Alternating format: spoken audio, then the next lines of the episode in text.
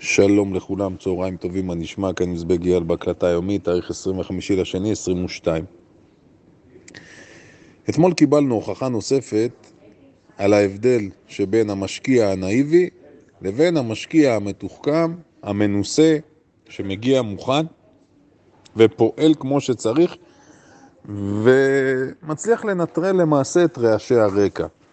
המחשבה נקרא לזה המחשבה הנאיבית אתמול, הייתה שהנה השוק הולך להתפרק, הנפט ימשיך לטוס, הביטקוין יצלול, הסחורות תטפסנה, ובפועל קיבלנו את זה לפרקי זמן מאוד מאוד קצרים, ובסופו של דבר, מי שפעל בצורה הנאיבית, מסיים את היום של אתמול, גם אם הוא לא שכר, אבל אם הוא ביצע פעולות, השקעה, סגר פוזיציות, פתח מבלי לחשוב, למעשה נזק עצום.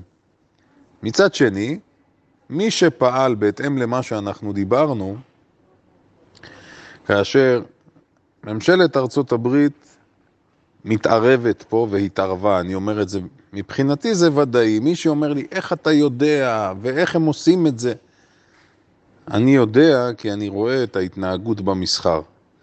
וברגע שאתמול היינו מינוס שלושה ומשהו אחוזים בפרה-מרקט, בנסדק מינוס שלושה וחצי אחוזים, והיום בשלב מסוים הגענו לפלוס שניים וחצי שלושה אחוזים, זאת אומרת תנועה תוך יומית של שישה אחוזים בנסדק. תסתכלו על הנפט, הנפט חצה את המאה וירד אתמול במהלך היום ל-91-92 דולרים. תסתכלו מה קרה בביטקוין ובכלל בקריפטו. אז אני מבחינתי בשוק המניות הייתה התערבות, ולכן גם אמרתי אתמול שיש הזדמנויות נפלאות, בטח במסחר. סוחרים קצרים אתמול, זאת הייתה חגיגה מטורפת, וגם למשקיעים שקיבלו מניות במחירים באמת מאוד מאוד נוחים. במיוחד זה התאים למי שיושב על מזומנים ומי שמחפש כבר תקופה ארוכה להיכנס ועדיין לא עשה את זה, אז הוא מקבל את המדדים במקומות מאוד נוחים ומניות מסוימות על אחת כמה וכמה. אני רוצה לדבר על איזשהו עניין טכני שקשור למניית פייסבוק, אבל מייצג מניות רבות. מי שיסתכל אתמול על הגרף של מניית פייסבוק בגרף יומי, יכול לראות שם נר עוטף. נר עוטף זה נר שאנחנו מקבלים שגוף הנר גדול יותר מהנר שלפניו. אז אתמול קיבלנו נר ירוק בוהק, חזק מאוד. גוף הנר עוטף את הנר שלפניו, נפח המסחר גבוה בצורה משמעותית מהרגיל. נרות כאלה בדרך כלל מסמנים מגמה שיכולה להשתנות או לצאת לדרך מגמה חדשה. אני לא אומר שזה קורה כרגע, אבל זה משהו שבמניות רבות ראינו אותו אתמול, ונפח המסחר הגבוה מהווה דבר וסימן חיובי.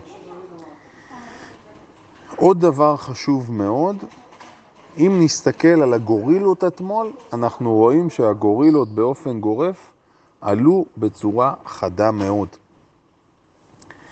ולמעשה הצליחו להביא את סיבוב הפרסה הזה לידי השלמה. עכשיו, נרד רגע ונחזור, אני אומר נרד ממה שראינו במסחר ונחזור רגע למה שקורה בעולם, מבחינת רוסיה ואוקראינה. תראו, זה, עוד פעם אני אומר, חייבים לעשות את הניתוק הזה. אני יודע שזה נשמע קצת קשה, אבל אין לנו, אין מה לעשות. אנחנו לא יכולים להשפיע כרגע על מה שקורה בין רוסיה לאוקראינה. אז עם כל הצער של מה שקורה שם, אנחנו ננסה להפיק את המקסימום לפחות בביזנס שלנו, במקצוע שלנו. מה שאנחנו יכולים לצפות שיקרה, בסופו של דבר, יום, יומיים, שבוע, מתישהו, הסיפור הזה ירד מסדר היום. כרגע התקשורת טוחנת מים שם איפשהו, גם אני חייב לציין, אין טעם לנסות עכשיו לדלות פרטים חדשים. כן יפלשו, לא יפלשו, זה כבר לא משנה. הסיפור, מהבחינה הזו, הסיפור איבד את הצבע שלו, אוקיי? שוב אני אומר, חייבים לעשות הפרדה בין האירוע האנושי לשוק ההון. בסדר, אז זהו, הם פלשו, כבר הם נמצאים שם. עוד כמה ימים הסיפור הזה בכלל ירד מסדר היום, ברמת השוק. הדבר בכל זאת שאני מוציא מפה, ראינו את נאום התגובה של ביידן אתמול. שמענו את מה שהוא אומר, גם בנאום הקודם, גם עכשיו הוא חוזר על אותו סיפור. אני לא מוכן שהאזרח האמריקאי יסבול וישלם מחירי דלק גבוהים. לכן, מי ששאל אותי מדוע אני חושב שהם מתערבים, מבחינתי זו האינדיקציה הכי טובה להתערבות שלהם, הוא אומר את זה בריש גלי. עוד דבר חשוב, תשימו לב שבינתיים כל הסנקציות עדיין לא חוסמים את רוסיה מלמכור נפט לעולם המערבי. גם אם זה יקרה, אגב, צריך לקחת בחשבון, סין מחויבת לקנות מרוסיה כל כמות נפט שרק תהיה, אין בעיה. זאת אומרת, הרוסים והסינים סגרו ביניהם איזשהו דיל, אחרת המהלכים האלה של פוטין לא היו יכולים לצאת לפועל, בלי החמצן שהוא מקבל מתעשיית האנרגיה שלהם. אם אנחנו מסתכלים, אנחנו נמצאים סך הכל שבועיים, שלושה מהחלטת הריבית בארצות הברית, זה הדבר המהותי כרגע לשוק ההון. מה בכל זאת, אם אני מנסה לחבר בין האירועים, דבר שיכול לקרות, אולי זה יעט את קצב העלאת הריבית שהפד מדבר עליו. זה משהו שיכול לקרות, למרות שאני באופן אישי חושב שלא תהיה ברירה, אין יותר מדי ברירות לפד כרגע. אז בניהול הסיכונים שלי לפחות, האירוע של העלאת הריבית והאינפלציה הרבה יותר משמעותי לשוק מאשר מה שקורה כרגע. אירוע נקודתי, אמרתי את זה מספר פעמים, ימים, שבועות מקסימום והסיפור הזה ייגמר מבחינת שוק ההון. כמובן אין 100%, אבל זו הערכה שלי. היו מספר חברים ששאלו אותי גם בקבוצות וגם בפרטי, מהיכן הביטחון שאני אומר את הדברים כמו שאני אומר? מאוד פשוט. אני סומך על הניסיון שלי, אני סומך על הכלים שלי, תמיד אנחנו לוקחים בחשבון שיכול לקרות איזשהו אירוע שאנחנו לא נהיה מוכנים אליו, מה שנקרא ברבור שחור, אבל במקרה הנ"ל, לפחות אצלנו, הייתה הערכה ברורה שיהיו תקריות בנשק חם, וגם התגובה של האמריקאים היא ברורה, כי הם לא הולכים להתערב קרקעית שם. אז uh, סך הכל הערכת המצב הייתה נכונה. כדאי לכם גם להאזין להקלטה של אתמול, ומי שיאזין פעם נוספת יוכל לשמוע שלמעשה להיכנס או לנסות ולהמשיך את אותו קו שמנסים לצייר לנו כאילו שכל העולם מתמוטט, מצטער. אין פה מלחמת עולם שלישית, אין משהו שקרוב לכך, וזה שהמדדים ברוסיה ירדו, זה פחות מעניין אותנו, פחות רלוונטי אלינו המדד הרוסי, פחות מעניין אותנו הרובל הרוסי, לא דבר שבאמת יש לו השפעה, ואם גם נעשה, נשים את הדברים גם על השולחן, גם בשוטף המצב ברוסיה הכלכלי הוא לא כל כך טוב, אז לכן פחות מעניין. אם יש חברים שרוצים להתעסק ולקחת קרנות סל שקשורות לסיפור ברוסיה, זה כבר משהו אחר. בכל מקרה, אנחנו סוגרים היום שבוע.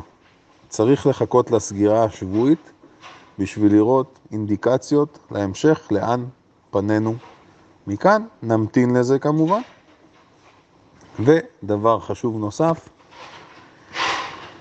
ההפרדה הזו בין מסחר קצר לבין השקעה קריטית עוד יותר בימים האלה, כי כמעט כל אחד שמחזיק כרגע במניות בתיק, אני מדבר על מעבר ליום אחד, מעבר ל day traders, יכול ביום נתון לראות את התיק שלו עולה או יורד אחוזים ניכרים. Okay? אוקיי?